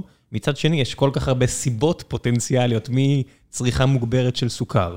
לעבודות אה, שהן הרבה יותר אה, במבנים עם פחות חשיפה לשמש, אה, לפחות מגע עם אנשים אחרים, לרשתות חברתיות, שאי אפשר להתחמק מהעובדה שגם הן, כמו סוכר, גורמות להתמכרות קשה ולהשפעות שליליות, אז קשה לדעת מה בדיוק סוכר גורם, אבל אני חושב ש... אני, אי אפשר לחלוק על זה שה... אני לא מסכים איתך. אני לא מסכים איתך, כי מה שאתה אומר היה נכון עד לפני שנים בודדות. החל מעבודה של נקראת Pure Study, שפורסם בלנסט ב-2016, אם איני טועה, אמ, ודרך עבודות... מה זה אומר Pure Study? Pure Study זה עבודה שבוצעה על מאות אלפי אנשים, שבה בדקו מתוך מרכיבי המזון השונים מה עושה טוב, מה עושה לא טוב, מחקר אפידמיולוגי גדול מאוד, חזק מאוד, שפורסם באוסף של אמ, מאמרים בז'ורנל המוביל, בביטאון המדעי המוביל בעולם, אה, שהוא, אני חושב, עשה את ההוכחה הניצחת שסוכר זה באמת אויב הציבור מספר אחת. אה, בשנתיים האחרונות יצאה עבודה מאוד מאוד חזקה עם סטטיסטיקה שמצביעה גם על קוזליות, גם על סיבתיות מעבר למה שאתה אומר. קורלציה. קורלציה, מתאם, ומתאם הוא עדיין לא סיבתיות. ובדקו פשוט מהי צריכת הסוכר, ובדקו מהי ההתפשטות של מחלות שונות במדינות שונות שבהן היה שינוי בצריכת הסוכר, ואז ברגע שמכניסים את מימד הזמן, ויש גם את המקומות שבהם ירד הסוכר, גם מקומות שעלה הסוכר, ורואים את ההשתנות האפידמיולוגית, אפשר לבודד את המרכיב של הסוכר, ורואים חד משמעית שסוכר הוא הגורם מספר אחת לסינדרום המטאבולי. אה, שסכרת והשמנה אה, זה שניים מהתופעות הכי אה, ידועות שלו, אבל יש עוד.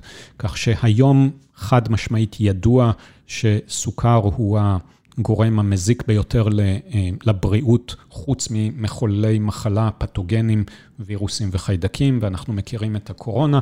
דרך אגב, בהקשר של קורונה, אנחנו יודעים שרפואה מניעתית זה השיטה מספר אחת להילחם בקורונה, ואני ואני מניח שגם אתה עברנו שלושה חיסונים כחלק מרפואה מניעתית. אנחנו גם יודעים שאנשים שיש להם סכרת או השמנה, הסיכוי שלהם לקבל קורונה ולקבל קורונה לחלות, לא רק... אה, לחלות, כן. אה, הוא הרבה יותר גדול, יש מה שנקרא viral load, כמה וירוסים צריך בשביל לחלות, אה, והקורונה, וירוס הקורונה נכנס לגוף דרך קולטן בשם ACE2, Angiotensin Converting Enzyme 2, והכמות שלו אצל אנשים עם תנגודת אינסולין, אנשים שמנים, עולה בצורה מאוד מאוד משמעותית, ולכן אחת הדרכים מבחינת הרפואה המניעתית להוריד את הסיכוי לחלות בקורונה, היא פשוט להוריד את כמות הסוכר בשביל שיהיה לנו פחות קולטנים מהסוג הזה. זה כמובן משהו ארוך טווח ולא משהו שהוא מעכשיו לעכשיו. פרופסור שוורץ ממכון ויצמן הייתה פה רק לפני כמה פרקים וגם ציינה את הקשר שהולך ומתברר אה, בין צריכת סוכר והשמנה לאלצהיימר ולמחלות אחרות שקשורות למוח. זאת אומרת, נורא כבר קשה לברוח מהמסקנות האלה ועל המחיר של תזונה מודרנית, פופולרית, מלאה בסוכר, להשפעות הכל כך שליליות שרפואה מניעתית יכולה אולי לקוות יום אחד לסייע במשהו לחולי אלצהיימר או לחולי קורונה או לכל מיני דברים אחרים, אבל בסוף לחיות אחרת זה כנראה יהיה הדרך היחידה באמת להקל על הסבל מהבחינה הזו. או לחיות אחרת, או להמשיך ליהנות ממתוק, אבל במידה, אני מאוד מאוד מאמין אחרת. במידה, וגם להחליף את המתיקות שבאה מהסוכר המזיק, במתיקות שבאה מחלבון שאינו מזיק. אז למה בעצם ותכף נעבור לשלב השלוש מן הקהל, למה בעצם אתה שם תקרת זכוכית? אמרת, נחליף רק חלק, נעשה... זאת אומרת, למה אתה כל כך נזהר בדבריך אם אתם רק בס... יחסית בתחילת הדרך? הנה, אתה פה יושב בסטארט-אפ, סטארט-אפים אוהבים לקשקש על לגעת בשמיים ולשנות את העולם. למה אתם, שאתם אשכרה עושים את זה, לא, לא שמים את, את המטרה של בוא, בוא נעיף סוכר? למה אי אפשר להעיף סוכר לגמרי? כבר האשימו אותי, גם משקיעים שלי וגם אחרים, שאני לפעמים מדבר יותר מדי בתור מדען ונזהר במילים השיווקיות שאני אומר. אה, אני חושב ששוק הדיאט הוא שוק קטן. המטרה שלי היא חד משמעית, מבחינת משקיעים קוראים לזה לבנות ערך לחברה, אבל מבחינתי האישית זה להחליף את המקסימום סוכר בעולם שאני יכול. ואני מאוד גאה בתוכנית אימפקט שלנו, אה, שמדברת על שתי החזיתות, גם תרומה לבריאות העולם וגם תרומה לעולם שהוא יותר בר קיימא, כי סוכר גם מזהם אוויר ים ויבשה. אבל אנחנו יודעים שאם נפחית בצורה משמעותית את הסוכר, אבל נשמור על חוויית הטעם של הסוכר, אנחנו נוכל להיפטר מכמות הרבה הרבה יותר גדולה של סוכר, מאשר אם נלך רק לשוק הדיאט ונעשה מוצר שהוא לא באמת טעים, כי טעם עומד מעל הכל. יש 200 מיליון טון של סוכר שאנחנו אוכלים כל שנה בעולם. אני רוצה כמה שיותר להוריד מזה, והפחתת סוכר זה הדרך. לצערי, עם החלבון שיש לנו היום, אני לא מסוגל להוריד כמויות הרבה יותר גדולות, או 100% מהסוכר, בלי לפגום בחוויית הטעם. אה, אם מוצר אצלנו, קטשופ אצלנו יש 70% הפחתה של אה, סוכר מוסף, אה, או משקאות שהם לרוב באזור ה-50% הפחתה של סוכר מוסף, וזה רק בשלב ה prototype. אם אני אה, אתן לך את המוצר עם סוכר מלא וללא סוכר, אתה לא תדע איזה זה איזה, וזאת המטרה שלנו. מה גם שבסופו של דבר יש גם משמעת עצמית, גם אם הורדת לי 70% מהסוכר בקטשופ, אם הבן אדם מסיבה כזו או אחרת החליט לצרוך פי 2 או פי 3, אז הנה, הוא כבר סגר את הפער, ובסופו של דבר תצרכו המון. עדיין, גם אם יפחיתו לכם ב-90 אחוז, אם תיקחו פי 10, כמות עדיין תגיעו לאותה כמות לפני כן. זה עדיין תלוי בכם, זאת אומרת, אין, אין, פה, אין פה סילבר בולט. אני חושב עדיין, שהגענו אין... היום לכמויות ש, שיש גם גבול לכמה אנחנו מסוגלים לאכול, ואנחנו רואים מדינות כמו ארצות הברית לעומת צרפת, שהגודל הממוצע של מנה במסעדות, ואפשר למדוד את זה בצורה מאוד מדויקת ברשתות, הוא פשוט יותר גדול, אבל גם זה יש גבול לכמה אפשר לעשות. כן, לא יודע, יש את השיר הזה של Faithless Postcards משנות ה-90, שהוא אומר, uh, The only place where, can, where uh, even I can gain weight. אני חושב שזו השורה uh, מהשיר ההוא, וכן, מי שמכיר את המנות בארצות הברית יחלוק על דעתך שיש גבול, כי משום מה בכל ביקור זה רק נהיה יותר ויותר גדול. בואו נעשה קצת שאלות מן הקהל, ולפני כן דבר המפרסם. ולפני שנחזור לפרק, אני רוצה לספר לכם על נותני החסות שלנו, והפעם זו חברת Infinity Labs. חברת Infinity Labs מציגה שיטת לימוד אפקטיבית המדמה עבודה מעשית במעבדות מעוררות השראה, שתאפשר לכם להתקבל לתפקידי הייטק נחשקים, הדורשים שנתיים ניסיון ויותר. Infinity Labs מציעה הכשרה בלעדית ומדויקת, בסביבות לימוד מתקדמות, המשלבת הרבה יותר בוגרים בתפקידי הייטק ביחס לכל הפקולטות בישראל. אם אתם חושבים שיש לכם את זה, חפשו Infinity Labs בגוגל, הכשרה ללא עלות. ועכשיו זה המסר הפרסומי שהם רצו שאני אעביר לכם, וכמו שאתם יודעים, אני לוקח את העניין של חסויות יחסית ברצינות ואני לא רוצה לפרסם דברים שאני פחות מאמין בהם, וכיוון שאני לא הכרתי אותם דיו, הלכתי ועשיתי בדיקה קצרה, ואני רוצה לספר לכם על הבדיקה הזו. שאלתי בטוויטר שלי, אה, שהוא לא כזה קטן, על כך שאני מתחיל לעבוד. בעצם סיפרתי לאנשים שאני שוקל לעבוד עם אינפיניטי לאבס ושאלתי מי מכיר ויכול להגיד מילים טובות או רעות, כי אני כידוע לא מוכן לעבוד עם ארגונים שיש להם שם רע ומספיק אנשים אומרים לי שהם נחוו, וקיבלתי מבול של תגובות, גם בטוויטר, גם בהודעות אישיות, אני, אתן, אני רוצה להקריא לכם קצת מההודעות האלה. רמה גבוהה, אומר אחד, אומר אדם אחר, אני סיימתי את ההכשרה שלהם לפני שנתיים וחצי בערך, בגדול מאוד מרוצה מהמסלול, מאז סוף ההכשרה אני כבר שנתיים וחצי עובד כמתכנת באותה חברה, שמח מאוד שעשיתי את זה. אה, מישהו אחר רושם, קונספט מאוד חכם לדעתי, חבר היה ויצא מרוצה מאוד. אנשים אומרים, מוצר ראוי לחלוטין, בהחלט ממליץ לך לעבוד איתם. אחד אחר, למדתי שם ומרוצה מאוד, מוזמן לשאול שאלות ולהתייעץ בכיף. ביררתי, דברים טובים.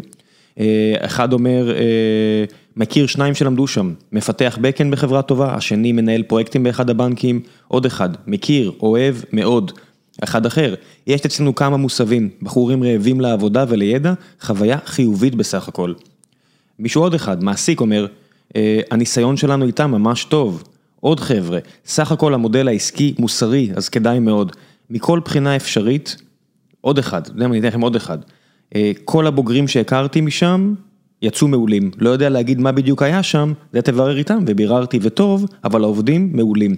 אז הלכתי וביררתי ועשיתי עוד שיעורי בית, ואם יש תלונות כלשהם לגבי הארגון הזה, חברת אינפיניטי לאבס, זה שהרמה שהם דורשים היא גבוהה מאוד, והם לא מוכנים להוריד את הרף. ואני רוצה לומר לכם שמבחינתי, זו לא בעיה. כי מה שקורה כרגע בשוק ההייטק, זו הזדמנות חד פעמית עבור רבים להשתלב בתעשייה שהיא חובה צמיחה לא נתפסת, היסטורית עבור מדינה כמונו. ממש אה, הגולדרה של קליפורניה מהמאה ה-19 רק פה, ובלי הבועתיות אולי של אז, כי הרבה מאוד חברות שגדלות כאן, כולל החברה שדיברנו עליה פה בפרק, נפלאות, וכדאי לכם לנסות להשתלב. אם אתם רוצים לעשות הסבה, עדיף לכם ללכת לארגון, לעבוד עם ארגון, שלא יוריד את הרף עבורכם או עבורכן, ויעזור לכם למצות את הפוטנציאל שלכם. אז חברת Infinity Labs, אני אשאיר לכם לינק אליהם, ועכשיו גיקונומי, מקווה שתהנו. לפני שאני אגיע לשלב השאלות מן הקהל, רציתי לשאול אותך על, על, כיוון שהקהל לא שמע את מה שאמרת עכשיו, אני בטוח שאנשים רוצים לשמוע לפני שנגיע לשאלות שלהם, אמרת סופר טייסטרס. זה אומר ש... ואתה אחד מהם, זה אומר שיש לכם חך אחר? זה כמו ב... לא יודע, בסרט הזה ג'ירו, שהוא מספר שם אה, ביפן על אנשים שיש להם יכולת אה, באמת ליהנות מהסושי שלו והרוב המוחלט שלו, או שזה פשוט עניין של אימון? כמו בכל דבר, יש מה שנקרא כישרון מולד ויש אימון, ואחד מהדברים שענבר, מנהלת הפאנל הסנסורי שלנו עושה, זה מאמנת את התואמים שלה. לא יודע אם ידעת שיש מקצוע של מאמן תואמים. ידעתי שיש תואמים, לא ידעתי שיש מאמן תואמים. כן, אנחנו, רק השבוע היה לנו מפגש אימון לתואמים החדשים, ויש כל כמה חודשים מפגש אימון לתואמים הוותיקים, וגם בדיקה שלהם, כי מי שלא עומד בסף יוצא מהפאנל. מדובר בעניין גנטי. כמות הקולטנים לטעם מתוק, לצורך העניין, שונה בצורה מאוד משמעותית בין אנשים שונים. אנחנו נותנים אה, מבחן, מבחן ש, שמתוקף עם איזו וכולי, אה, משני סוגים. דבר ראשון, אנחנו נותנים לאנשים אה, ארבע כוסיות, שואלים אותם איזה כוסית היא לא מים ואיזה טעם יש שם. פעם אחת יש טעם מתוק, פעם יש טעם חמוץ, פעם מר. חלק מהאנשים אף פעם לא ייתנו תשובות לחלוטין אקראיות, חלק תמיד ייתנו את התשובה הנכונה, במקביל נותנים איזשהו מבחן שנותנים כוסיות עם ריכוזים עולים של סוכר, 2, 4, 6, 8, 10 אחוז סוכר, כותבים על כל כוסית בדיוק מה זה, אומרים לך תלמד את הכוסיות האלה כמה זמן שאתה רוצה, אחרי זה לוקחים לך את הכוסיות, מחזירים לך את אחת מהן ושואלים אותך מה זה. חלק תמיד ידעו להגיד זה 6, חלק יגידו תשובות ש, שזה מדהים כמה הן שונות. אה, וזה חלק שהוא כישרון, אה, שהוא אה, משהו מולד, ואחרי זה אפשר כמובן לאמן ולקבל יכולת הרבה יותר טובה להבחין בין דברים. ואת זה אנחנו עושים על בסיס קבוע כחלק מהפאנל שלנו. למעשה, חמישה אחוז מהאוכלוסייה הם סופר טייסטרים. ענבר לא מרשה לי לקרוא לפאנל שלנו סופר טייסטרים, כי אנחנו עשינו בדיקות קצת פחות אה, קפדניות, ואנחנו מכניסים גם אנשים שהם רק ב-15% העליונים של התואמים, ולא רק 5%. אה, יש מצטיין דיקן, אה, יש סתם מצטיין. יש בהחלט מצטיין דיקן, וגם בתוך הפאנל שלנו אנחנו יודעים מי הוא המצטיין היותר טוב והפחות טוב, וכשלפעמים אנחנו עושים בדיקות ספציפיות, מסתכלים מה המצטיינים של המצטיינים. איך מגייסים את האנשים? זאת אומרת, עכשיו אנשים, לא יודע מה, 15 אלף אנשים ישמעו את הדברים האלה בחודש הקרוב, מתוכם, אה, סטטיסטית, מאות הם סופר טייסטרים, ונניח שהם רוצים לבוא ולהיות מועסקים על ידכם בתור סופר טייסטרים שעה בשבוע, או לא יודע כמה, איך, אתם, אתם מחפשים אותם אקטיבית? זה אנשים שדופקים על הדלת שלכם ואומרים, היי, בא לי לטעום משהו, איך זה עובד? אנחנו בתור אה, חברת ביוטכנולוגיה, עם אה, חברת ביוטכנולוגיה עם... עם כרגע 25 עובדים, בדרך להיות 30 עובדים, נמצאים בפארק המדע ברחובות, בתור אה, מי שנמצא ליד מוסדות אקדמיים מובילים, אנחנו פנינו בראש ובראשונה לסטודנטים בפקולטה לחקלאות, אה, מקום ששם סבתא שלי התחילה אה, בתור אחת מהמקימות, וסבא שלי, היא הייתה טכנולוגית מזון, והוא היה, הביא את נושא המטעים לישראל, כך שאני בהחלט קרוב למקום הזה, והם מגיעים אלינו בעיקר סטודנטים. אנחנו משלמים להם די יפה לשעה של עבודה, אבל זו עבודה שהיא, שהיא לא רק אה, כיף, זה לטעום עוד ועוד אה, אה, נוזלים עבודה. ולא נוזלים, דוגמאות, ולהגיד על המחשב, לכל אחד יש את המחשב שלו, והוא מדווח מה הוא תואם גם על פני זמן, על פני חמש דקות, איך פרופיל הטעם משתנה. ואת זה בתור עבודת סטודנטים, זו עבודה נהדרת, כי בהחלט מכניסה סכום אתם לא, מחפשים לא עוד? רע. כרגע אנחנו לא מחפשים, אבל אנחנו כל הזמן מגייסים אנשים נוספים, ורק עכשיו גייסנו עוד uh, חמישה פאנליסטים, יש כל הזמן תחלופה. אוקיי. Okay. אה, uh, גיא ישראלי שואל, אשמח לשמוע רקע על בעיית החיזוי של מבנה חלבונים שנפתרה ברובה על ידי AlphaFold 2 של DeepMind. עכשיו, כשיודעים את המבנה, אל, אל, אילו בעיות זה יעזור לפתור? מה השימוש של זה? אז קודם כל, אה, אני חושב שהבעיה לא נפתרה לחלוטין, אלא הייתה קפיצת מדרגה מאוד משמעותית בפתרון הבעיה. הבעיה גם בעיקר נפתרה ברמת התת-יחידה ולא ברמה של חיבור של כמה תתי-יחידות יחד, מה שנקרא מבנה רביעוני, ואני חושב ש, שזה פשוט פותח פתח חדש למחקר. הסיבה שרוב פרסי הנובל עבור מקצוע אחד ניתנו לקריסטלוגרפים, אנחנו מכירים בארץ את דן שכטמן, שם זה לא חלבון, ומכירים את עדה יונת, שפתרה את המבנה של הריבוזום, ואת אה, מייקל לויט ואריה ורשל, שפתרו מידול של, של חלבונים. אה, זה שברגע שיש מבנה, אז מצד אחד אנחנו יודעים להבין את המבנה ואת התפקיד שלו במנגנונים שלנו, בין אם זה מנגנונים שמעורבים במחלה ובין אם זה מנגנונים שמעורבים בתזונה או בחיים בכלל, זאת אומרת המדע הטהור.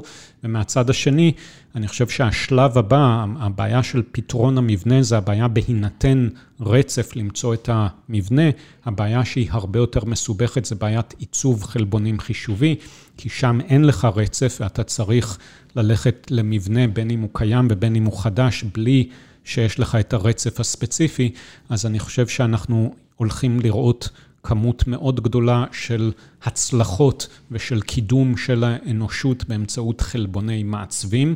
אה, אני אה, פרסמתי את ה... הוצאתי את הספר שהוא היום המוביל בעולם בתחום של עיצוב חלבונים חישובי. אה, לאחריו, פעם ראשונה לא יכולתי לישון בלילה, ואז החלטתי להקים את Amai, לעזוב את ה-18 שנים שלי באקדמיה. רגע, רגע, מה זה אומר אבל... בפעם הראשונה לא הצלחתי לישון בלילה? בגלל שגילית בעצם את ההשפעה של סוכר? לא, סוכר היה רק החלבון הראשון ש, שאליו אה, החלטתי לכוון. מה שאנחנו עושים ב Amai זה עושים חלבונים לשוק המזון. יש לנו pipeline של חלבונים, ובהמשך לחלבון המתוק, אנחנו מפתחים חלבונים לשוק הבשר, החלב והצמחים. אנחנו מגשרים על אותו פער שבין חלבונים שקיימים בטבע וחיים בגן עדן, לבין שוק המזון הגדול, שזה סביבה של גיהנום מבחינת חלבונים. אה, אבל מה שאני עשיתי בספר זה סרקתי את ה-101 חלבוני מעצבים שייצרו עד מועד פרסום הספר, אה, עד 2015, הספר יצא 2016, אה, וסרקתי שם מצד אחד את ההיבטים הביוטכנולוגיים של איך בדקו וייצרו את החלבון, ומצד שני את ההיבטים החישוביים של איך עיצבו את החלבון על המחשב. ואז הגעתי לתובנה שבניגוד לשיטות שבהן מייצרים עשרות מיליארדי וריאנטים, שיטות של מה שנקרא אבולוציה במבחנה, Directed Evolution, אה, שבהם אפשר לדגום אחד מתוך הרבה, וזה משהו שמשמש בשוק התרופות, ואנחנו היום יודעים שהתרופות הכי נמכרות בעולם מבחינת גודל פר תרופה זה תרופות ביולוגיות, כלומר חלבונים. אה, אז בניגוד להם, אה, בתחום האוכל, אין לנו דרך טובה לסרוק מיליארדי אופציות, כי יש לנו רק לשון אנושית אחת, ואין לה היום תחליף, שום תחליף, יש כל מיני ניסיונות, אבל אין באמת תחליף ללשון האנושית ככלי לבחינה של פרופיל טעם. ולכן החלטתי ללכת לשוק הזה, ולא ישנתי בלילה, כי הבנתי ש... שהתחום הזה שבו אני התמחיתי ועשיתי את הפוסט-דוקטורט שלי אצל האיש שהמציא את התחום של עיצוב חלבונים חישוביים, ביל דה גרדו, אה, אז אני הבנתי שאם אני לא אקום בבוקר למחרת ואתחיל להשתמש בזה בשביל לשפר את מערכת האוכל שלנו, בשביל לעשות אותה יותר בריאה ויותר אקולוגית. ברת קיימא, אז אני פשוט לא, לא ארדם בלילה. ואז החלטתי לעזוב את האקדמיה, ההורים שלי חשבו שהשתגעתי, הם לא היחידים, כי היה לי כבר אה, מסלול אקדמי די מובטח, כבר לימדתי די הרבה קורסים מגנטיקה וביוכימיה, דרך כימיה פיזיקלית ועד אלגוריתמים בביולוגיה חישובית. לימדתי ביולוגים, כימאים, מדעי המחשב. לימדת בוויצמן? לימדתי בוויצמן עוד כשהייתי דוקטורט קורס בביואינפורמטיקה מבנית, כי זה היה תחום חדש שאז עדיין לא היה. לימדתי באוניברסיטה העברית כמה פעמים את הקורס בביואינפורמטיקה, לימדתי במכללת בראודה להנדסה אה, ובעוד מקומות.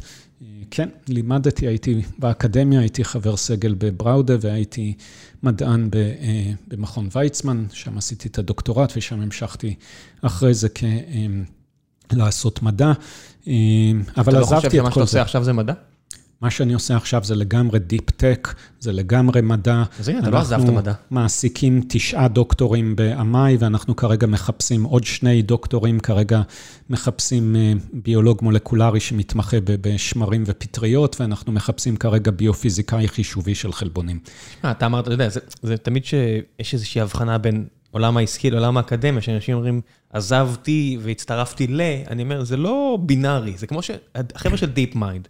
שזה כנראה קבוצת המחקר הגדולה בעולם ל machine learning, הם לא יושבים בסטנפורד, הם לא יושבים ב-MIT, הם לא יושבים בהרווארד, הם יושבים במבנה הזה בלונדון, אם הם באמת כולם שם, והם חלק מגוגל, עם תגי עובד של גוגל, והם עושים מדע. חד משמעית, יש איזושהי תפיסה שאני גדלתי איתה בתור מי שהיה הרבה שנים באקדמיה, של מגדל השן האקדמי. אני חושב שבלא מעט תחומים, מבחינה גם תקציבית, גם מוטיבציה, גם מיקוד. היום המדע שמתקיים בסביבה תעשייתית הוא לא פחות ובמקרים מסוימים יותר משמעותי מאשר באקדמיה. אני לא חושב שאחד מתחרה בשני, אני חושב שחשוב מאוד העולם האקדמי, וכמובן גם אני תוצר של העולם האקדמי, וככה גם הדוקטורים האחרים שנמצאים ב Amai, ולא רק דוקטורים, השאר זה בעלי תואר ראשון-שני, זה כולם אנשים שיצאו מהאקדמיה, ויש לנו בישראל אקדמיה מצוינת. סטנפורד בהחלט ידוע כהליבה של... המדע שהולך לסטארט-אפים, וגם אצלי נעמה קופלמן, שמנהלת את המחלקה לעיצוב חלבונים חישובי, עשתה את הדוקטורט בסטנפורד. כך שבהחלט יש אצלנו מדע מאוד מאוד משמעותי בשלושת המחלקות של המחקר והפיתוח, עיצוב חלבונים חישובי, ביוטכנולוגיה וטכנולוגיית מזון, ובכל המעטפת שלהם, שזה הרגולציה וניסויים קליניים והקניין הרוחני, הכל מובל על ידי דוקטורים שקיבלו השכלה נהדרת באקדמיה הישראלית, שבהחלט ברמה מאוד גבוהה. חבל שיש רגולציה בתחום הזה. זאת אומרת, אני, אני מבין למה יש רגולציה של FDA לתרופות, אבל בתחום שלך הייתי רוצה כמה שפחות רגולציה ושתרוצו מהר, כי כנראה, כנראה, כנראה שזה מאט סתם. זאת אומרת, זה לא תרופות, אתם לא מתעסקים פה ב... אתם מתעסקים פה במשהו שרעיל, בסדר, יש לכם את התואמים שלכם, אבל זה... ה-FDA, מבחינת הרבה אנשים, הוא ה-drug administration וה-F-word. כן. אבל ה-F זה בשביל food. Food and Drug Administration. כן. וה-FDA מחובתו לשמור על בריאות הציבור, ולנו זה גם חשוב מאוד לקבל את החותמת בוודאי. של ה-FDA. אנחנו מגדלים את ה...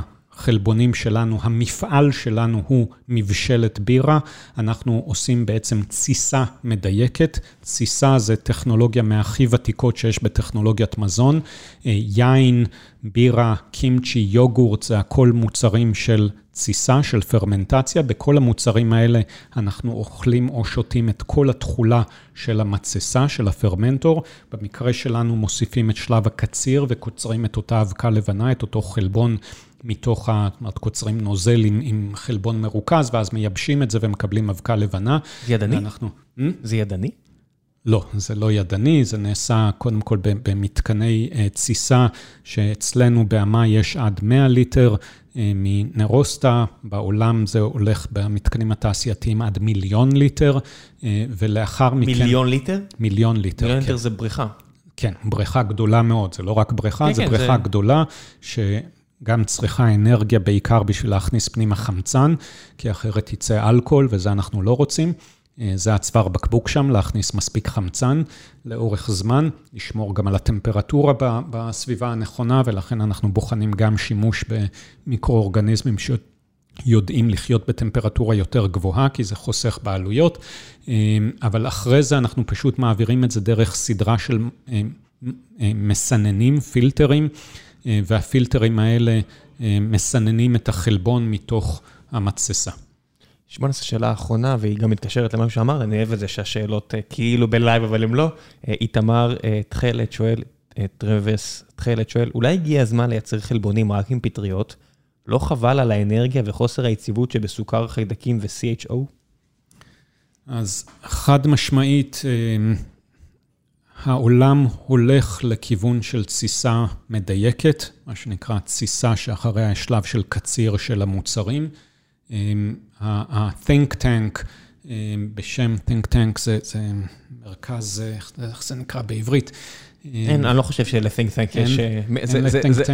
זה אלבום של בלר ומקום לאקדמאים שפשוט אין בארץ. יש את מרכז שלם, שזה נראה לי די קרוב לזה. מכון ון ליר בדברים מסוימים.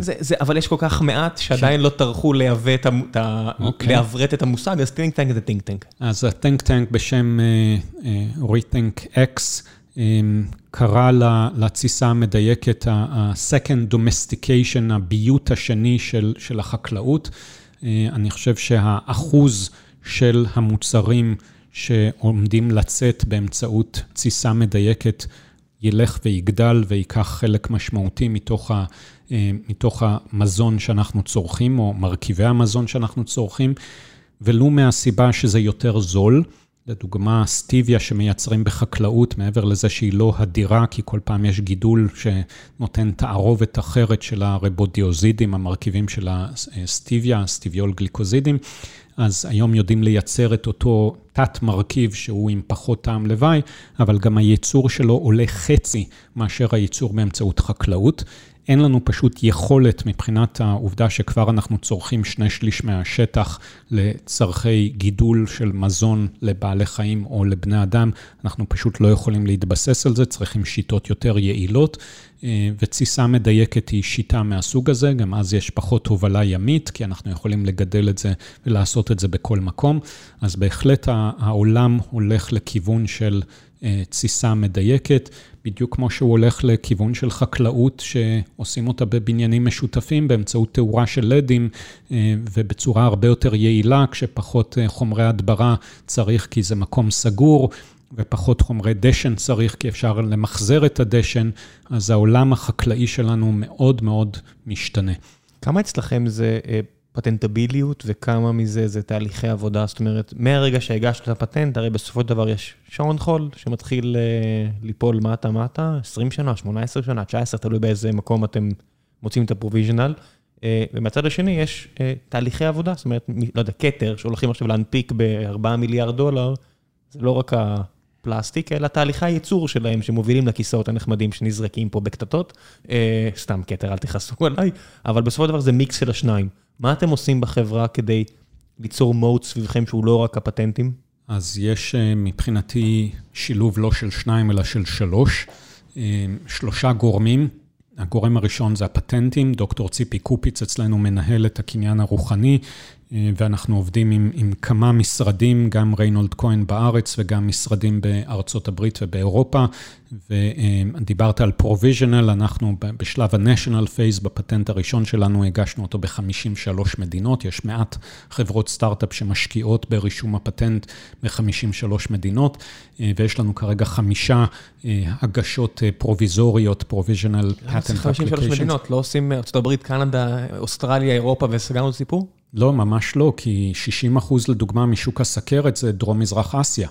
אה, ויש בעיה נוספת שמדינות שהן יחסית אה, פחות אה, ידועות ברמתן מבחינת ההייטק, אבל מעבר לזה שהן מדינות מאוד גדולות, אם אנחנו... סליחה.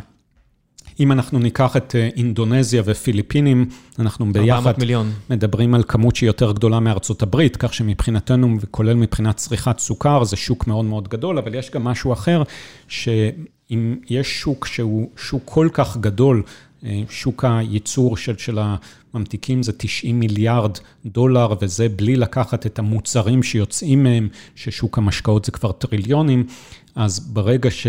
אנחנו מגיעים לכאלה שווקים, אז חברה שיכולה להיות חברה ממדינה אה, שהיא בהחלט ברמה גבוהה, היא יכולה להתחיל ייצור במדינה שאין בה הגנת פטנט, וזה כמובן אה, גורם לזה שהמחירים יוזלו ושיהיה מסחר שהוא בעייתי מבחינת חברה מסחרית. כן, סקנדרי.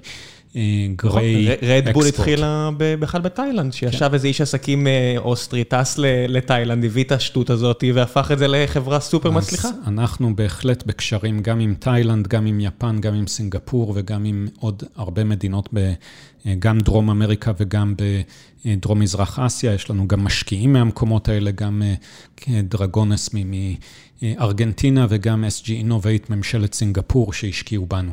כך שחשוב לנו בהחלט ההגנה הפטנטית, שהיא חזקה מאוד. יש לנו כמובן הרבה מאוד סודות מסחריים של איך אנחנו מייצרים ואפילו איך עושים אחרי זה את הפורמולציות, אבל המטרה בסופו של יום זה שכל אחד יוכל להשתמש במוצר שלנו, ומעל הכל יש את הנושא של המיתוג ושל מי הראשון שנכנס וכובש את השוק, ויש לו את השם מספר אחד בשוק. נתת את הדוגמה של כתר, כל אחד היום יודע לייצר פלסטיק, ועדיין יש כמה חברות ששוות מיליארדים ואחרות שלא שוות שום דבר, כי הם ייצרו מוצרים שהם נוחים לכולנו וטובים לכולנו. זה נזרק ממש טוב בקטטות, לא סתם, אני צוחק, אבל זה באמת הולך להיות, באמת מהחברות הישראליות הכי מפוארות שלא מקבלות מספיק קרדיט, אה, לא סתם הולכים להגיע לשווי של כ-4 מיליארד דולר.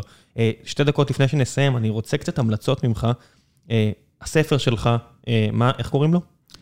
Computational Protein Design. תשלח לי לינק, אני אוכל לשים בדף הפרק. אשמח. אה, משהו טוב שקראת או ראית לאחרונה ובא לך להמליץ עליו?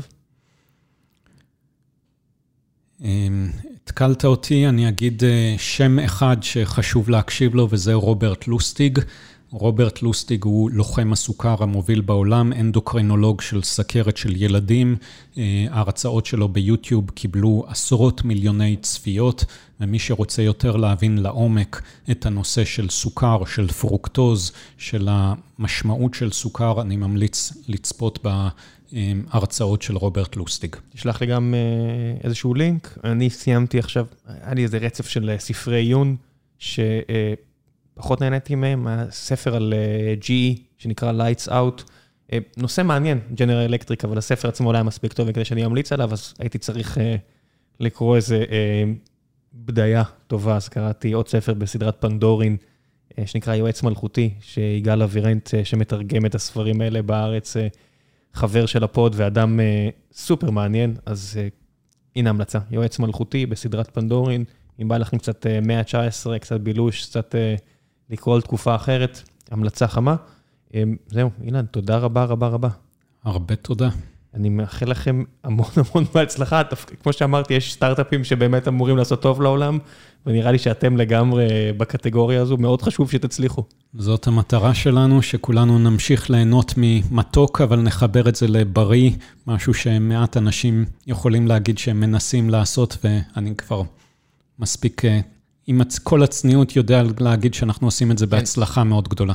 פגשתי את ה... ישבתי עם ה-CMO של קוקה קולה פעם, אני לא סומך עליהם, אני סומך יותר עליכם. צריך להגיד שאם מישהו יעשה את זה, זה לא המדענים שלהם, זה כנראה המדענים שלכם. אנחנו עובדים עם כמה חברות מהגדולות בעולם, וקיבלנו מהם סכומים כבר מכובדים. אנחנו לא נתנו לאף אחד דוגמה חינם. אני יכול לציין את השמות של פפסיקו, של אושן ספרי, של דנונה ושל אחרים שאסור לי לציין אותם, אבל בהחלט אנחנו בקשר עם עשר חברות המזון והמשקאות הגדולות בעולם ועם הרבה אחרים, ואנחנו מצליחים ביחד איתם, וצריך לתת להם הרבה קרדיט שהם מאמינים לסטארט-אפ שקטן מאוד. אני פשוט לא חושב שזה יגיע מהם, זה חייב להגיע מבחוץ, הלחצים בתוך החברה. זה יגיע משילוב, זה יגיע משילוב, בדיוק כמו שפפסיקו ידעה להשקיע סכום כסף לא קטן בלקנות את סודה סטרים, והטכנולוג הראשי של סודה סטרים, שמוליק מרקו, הוא היום מנהל את המחלקת טכנולוגיית מזון באמאי, אז אני חושב שהעבודה שלנו, שעם חלק מהחברות האלה יש לנו כבר שלושה וארבעה הסכמים, אנחנו לומדים מהם הרבה על הצרכים שלהם, והם לומדים מאיתנו, וזה שילוב לא תמיד קל בין חברה קטנטנה. אנחנו עד לפני שנה היינו שישה אנשים, היום אנחנו כבר יותר מפי ארבע יותר, ו, וחברה של מאות אלפי אנשים שמתחילה עבודה ביחד עם חברה של חמישה אנשים, אני בהחלט מוריד בפניהם את הכובע. יפה. יאללה, שיהיה המון בהצלחה ותודה רבה שהגעת. תודה.